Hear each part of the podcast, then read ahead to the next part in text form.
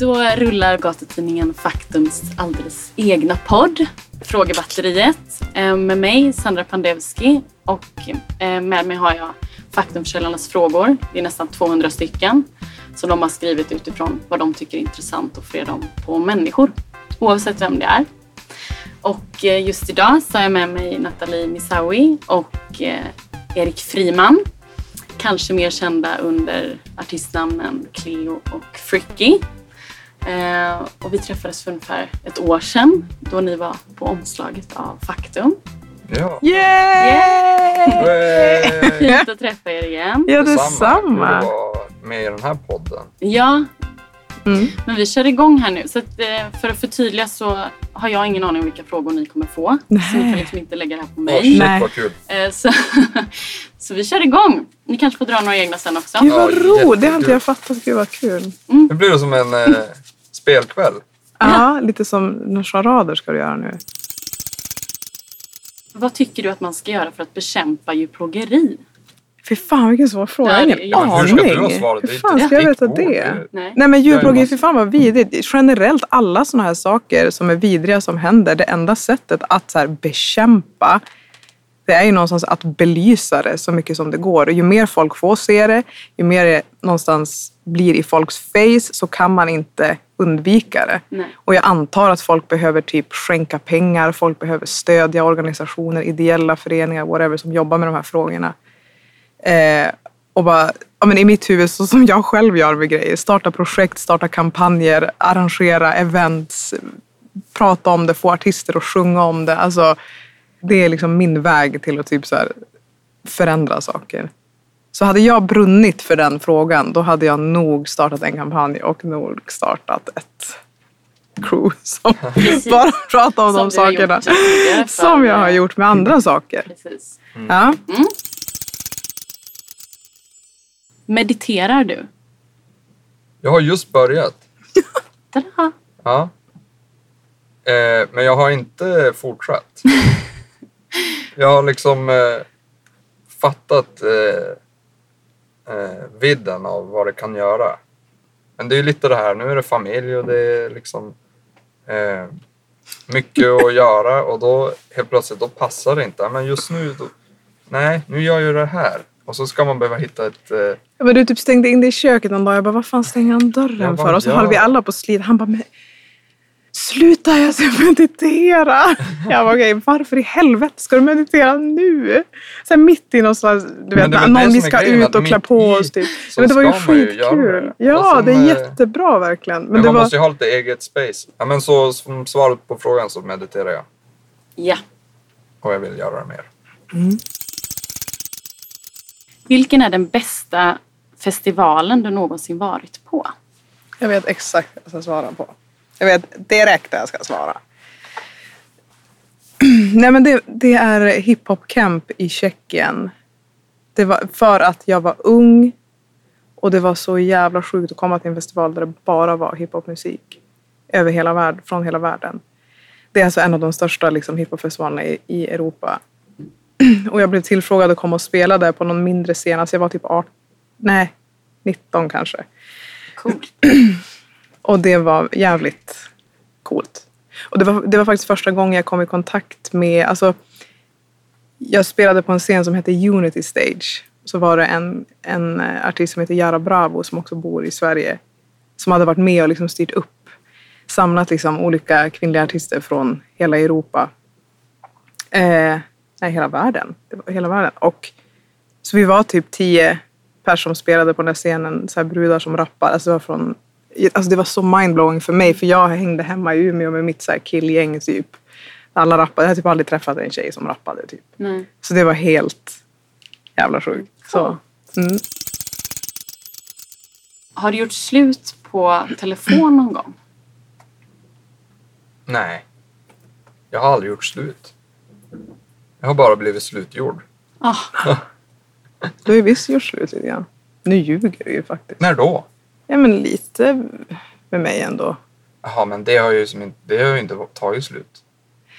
Nej Men, men, ja, precis. Vi, vi hade ju... vi gjorde ju gemensamt slut, gjorde vi Ja. verkligen. Men sen där, det var ju som en, där jag var lite mer såhär, du nu tycker jag vi kör på en, ändå alltså.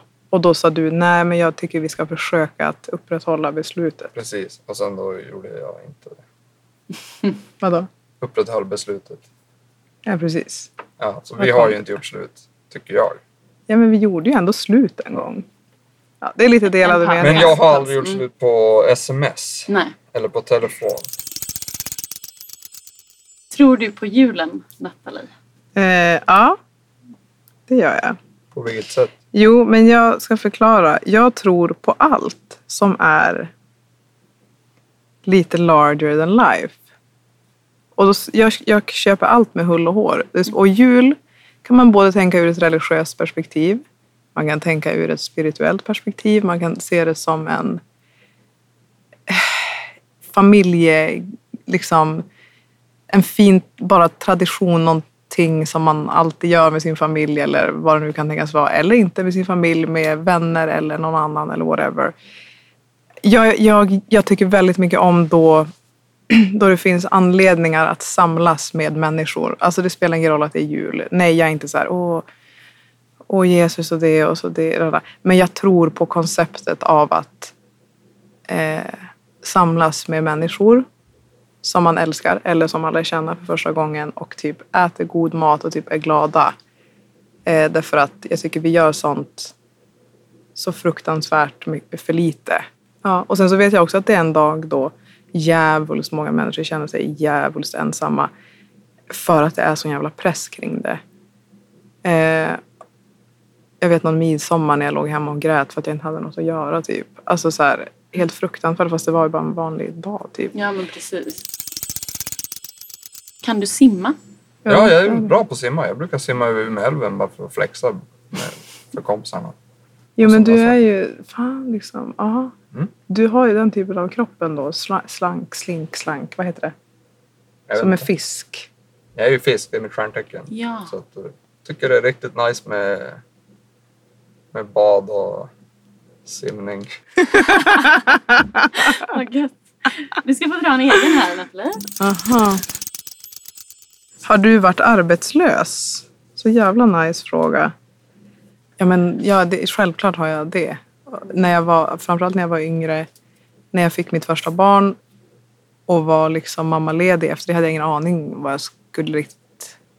För då var inte musiken poppen på det sättet att jag kunde leva på det direkt och inte, ha, alltså inte med barn och så där samtidigt. Så då var jag så här, åh herregud vad ska jag göra? Då sökte jag liksom verkligen jobb och CVn och hela den grejen. Men det är ju någonstans så är det lite bortskämt för jag förstår alltså att vara arbet, det värsta i det är att inte veta vad man ska göra. Inte pengarna kanske generellt utan att så här, vad är mitt syfte och vad fan ska jag göra? Vad ska jag bli när jag blir stor typ? Ehm, och den känslan kan jag ha liksom nu. Ja, men när vi såg sist och gjorde intervjun så pratade vi om att jag mådde dåligt under graviditeten och blev sjuk. Och då var det ju mycket så här, shit vad ska jag gå tillbaka efter det här? Vill jag gå tillbaka till det jag har jobbat med? Men om jag skulle släppa det här helt så har jag någon dröm om, om att eh, utbilda mig till barnmorska. Eh, men det tror jag aldrig jag kommer orka plugga. Men det vore så jävla fett Ja. när man blir äldre liksom. När förlorade du oskulden? Vad fan? Ehm, Blir du lite generad älskling? men eh, alltså, jag var ingen kvinnotjusare när jag var liten. Det var jag inte. Jag var 14 när jag hånglade första gången. Det var riktigt sjukt. Eh, under viadukten där till, Exbro. Och eh, jag förlorade oskulden när jag var 17. Ja, Det är väl Det är ingen... nice. Ja, det är ju jätterimligt tycker jag. Låter väldigt sunt och Absolut. bra. Ja, Typ. tyckte det var weird alla som typ hade, alltså några som typ Ja. skröt om hade haft sex när de var typ 14, 15. Jag var typ såhär, okej. Du bara, det är ju Eh. olagligt. Ja, men 15. precis. Nej men typ såhär, det är väl, ja nice för Ja. dig eller? Jag vet inte. Mm. Ja, men om man tittar på sina egna barn så känner man, eh, vad i helvete eh, skulle du vara i, liksom, i den åldern ens att tänka på sådana här saker nu? Mm. Ja, så nu vet alla det. Ja. Tack. Tack för att du delar. är du romantisk? Ja det är hon. Åh älskling.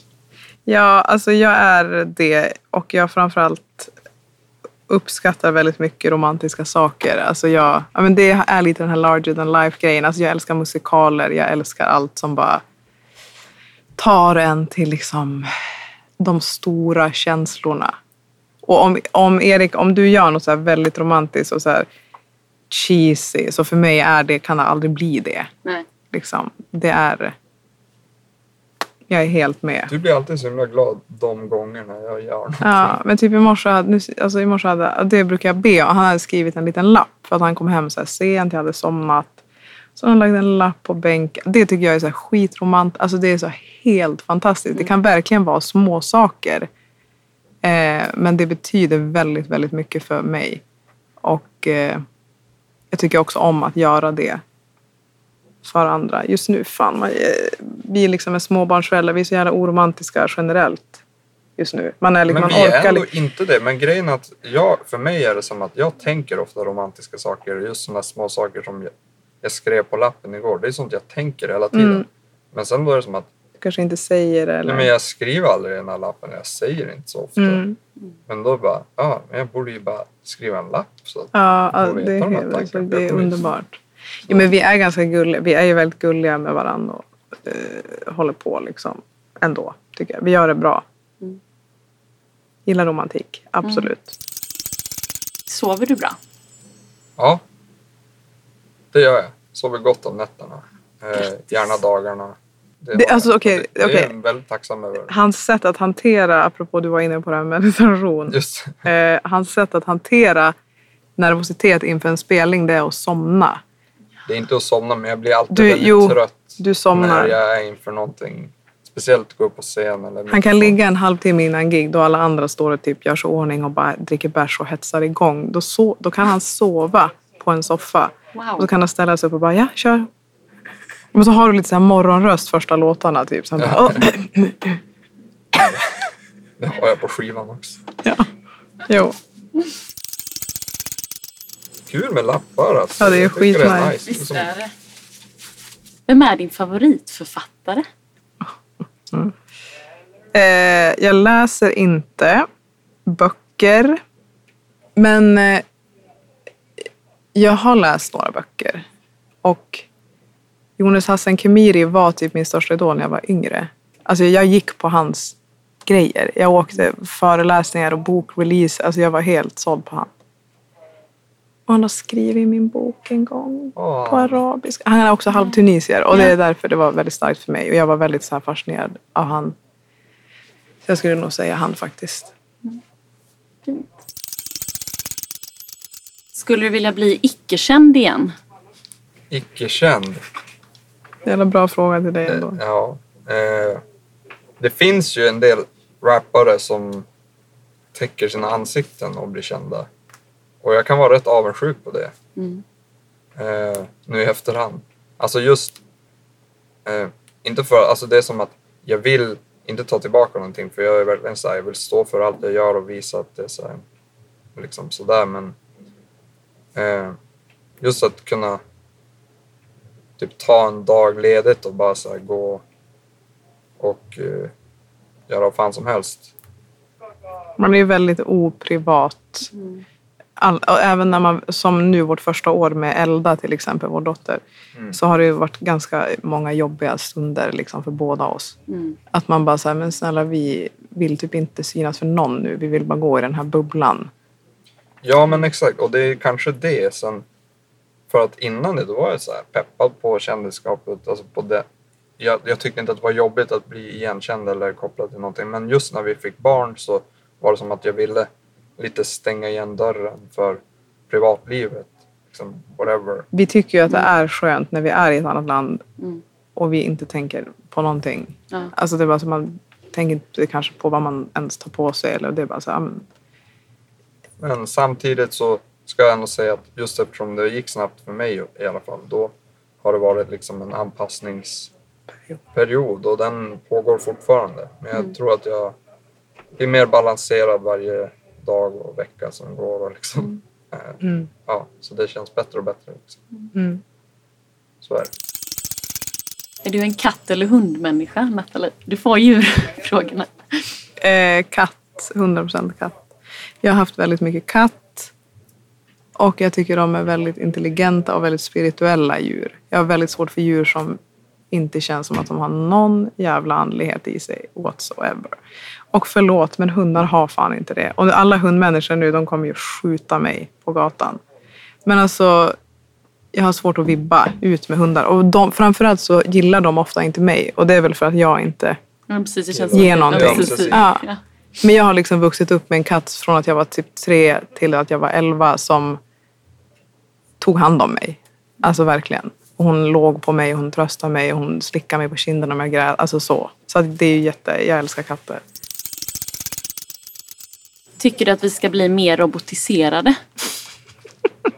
Nej, fan. Jag Du är av rädd de för som, det här. Jag är en av de här skeptikerna som tror att AI ska Ta över. ta över. Alltså jag tror ju på hela iRobot-plotten. Alltså det är som, att de liksom kan programmeras om, att det blir någon virus. Alltså eftersom de är en robot, då kan man ha dem i sitt hem och så går de runt och hjälper och är snäll i ena sekunden och sen då är det någon som bara går in och slänger in ett virus i den och eh, så blir den ond. Typ. Mm. På samma sätt som datorn kan vända sig emot den ibland. Så bara, nej vad fan. Mm. Jag litar inte på det. Jag tror inte att vi mår bättre av att eh, lägga över arbetsuppgifter eller... eh, Men jag ser bara framför mig den här planeten där alla är svintjocka och åker runt i de här flygande bollarna och allt Exakt. styrs typ digitalt. Det finns ju ett Coop inne i stan som har en kassa och typ så hundra Mm. eh, Själv. självskanningskassor. Mm. Och då är det ju bara en som sitter i kassan och får betalt för att göra sitt jobb. Och sen resten, då är det ju jag som liksom skannar mina egna varor och gör jobbet åt Coop. Som de tidigare har gjort åt mig. Mm. Så varför ska jag göra det? Typ så här, Ja. det hjälper inte mig. Jag tycker inte det är nice. Nej, priserna Alltså, har ju inte sänkts. Priserna har inte sänkts. Eh, fan, fuck det. Typ. Mm. Är du pedant? Mm. Mm. Det är jag. Jag är född i jungfruns tecken. Och eh, väldigt mycket jungfru är jag i mitt tecken. Och nu som alla hör så är jag också väldigt inne på stjärntecken och astrologi och så vidare. Mm. Eh, men eh, jag är väldigt mycket det. Och är det något som jungfrur är så är det pedantiska. Men vi kan också vara väldigt pedantiska på olika sätt. Man kan vara en jävla slarver med vissa grejer. Men i en röra så har man full koll på liksom, alltså det är en pedantisk röra om jag säger så. Just det. Mm. Och jag är väldigt så här, alltså saker har verkligen en plats i ett hem och ligger den inte där då blir det typ systemkortslutning i hjärnan och bara åh herregud vart är den saken och den ska vara där och det ska vara så. Och om det ska dammsugas och det dammsugas på ett visst sätt. Alltså jag har väldigt mycket sånt där. Väldigt mycket sånt. Det, Jag är som Monica i Friends och Erik är som Chandler. Eller alltså i förhållande till hur han får förhålla sig till mig menar jag. Känner du någon snut? nej, men eh, jag hörde just att en gammal eh, kompis har börjat plugga till polis. Vilket... Eh, jag undrar om han kommer höra det nu, men jag tyckte det var lite lustigt eftersom han är, han är ganska kort. Han är väldigt kort. Så jag bara tänk, jag bara så, jag har bara ställt, sett, sett lite olika scenarion framför mig hur man skulle liksom när man man stöter på honom som polis och liksom de ska ju vara så här respektingivande och så här pondus. Ja. Och jag bara, jag bara Det här är hemskt Erik faktiskt. Kan man inte vara auktoritär om man är kort? nej, men- nej, men det kan man och jag tror, han har ju den karaktären. Ja. Kanske, Men i första anblicken då kanske att det kan bli... Mm. han har väldigt så här, alltså, Pondus. akt- ja så. Eh, det är allt jag kan säga. Mm. Nästa! Vad ångrar du att du aldrig gjorde? Det är ganska många grejer. Faktiskt. Mm. Ja men typ någonting så här att jag inte började med någon jävla skit liksom. Att jag inte blev en mer fysisk person. För det där är jävligt svårt att ändra i vuxen ålder. Alltså att jag inte typ så här snöade in på någon sport. Mm. Tyckte det var så jävla jobbigt. Men det hade varit så jävla nice om jag ja, men typ så här, vara bra på basket eller något. Mm. Men jag, eh, samtidigt, vad fan. Jag läste nyss om någon som bara aldrig hade joggat i hela sitt liv. Och hon är typ värsta jävla världsatleten nu och typ springer fem mil tre gånger i veckan. Alltså så här, Mm. Och det tog typ ett år för henne att bygga upp den. Och då blir man ju så här, fan, fan. Det går ändå. Ja, men Det är finns det något som du skulle, alltså om du skulle ta upp någon sån aktivitet nu som du har varit pepp på? Mm. nej, men jag vet, nej. Jag vet Du inte. vill ändå inte. Nej, jag vill inte. jag orkar inte. Nej. Nej. Berätta något pinsamt. Yes. Vadå något pinsamt? Berätta Ja. om byxorna gick ut. Byxorna? Häromdagen, det var roligt. Okej, säg du. Vilka byxor? Nej, men säg själv bara. Men jag försöker förstå vad du pratar om. Det är när vi satt i soffan med byxorna. Nej, men det, ja, ja, men det var en grej. Men, eh, Det var Nej. något bättre. eh, ja, men det var ju kul när jag skulle träffa Joel som gör Jaha. min nästa video. Ehm, och så sa han någonting. Alltså du vet, det är så här, han är typ skatare och en ung kille. Och jag är också så här, jag är rappare, jag försöker vara cool. Och man är alltid så här, down with the kids. Hela den vibben. Och han eh, sa någonting, typ en komplimang. Och så sa jag, fan vad tung du är. Eh, och sen då skulle jag ge honom en fist bump. Eh, problemet var att jag hade typ så här snorat mig i näsan. Jag hade typ Precis. dragit så handen och näven över näsan just innan. Det var som att jag inte hann tänka när jag gjorde det och så gav, gav jag fram knogen som var helt snorig. Ja, men- så då blev den Då var den han blev bara osäker. så.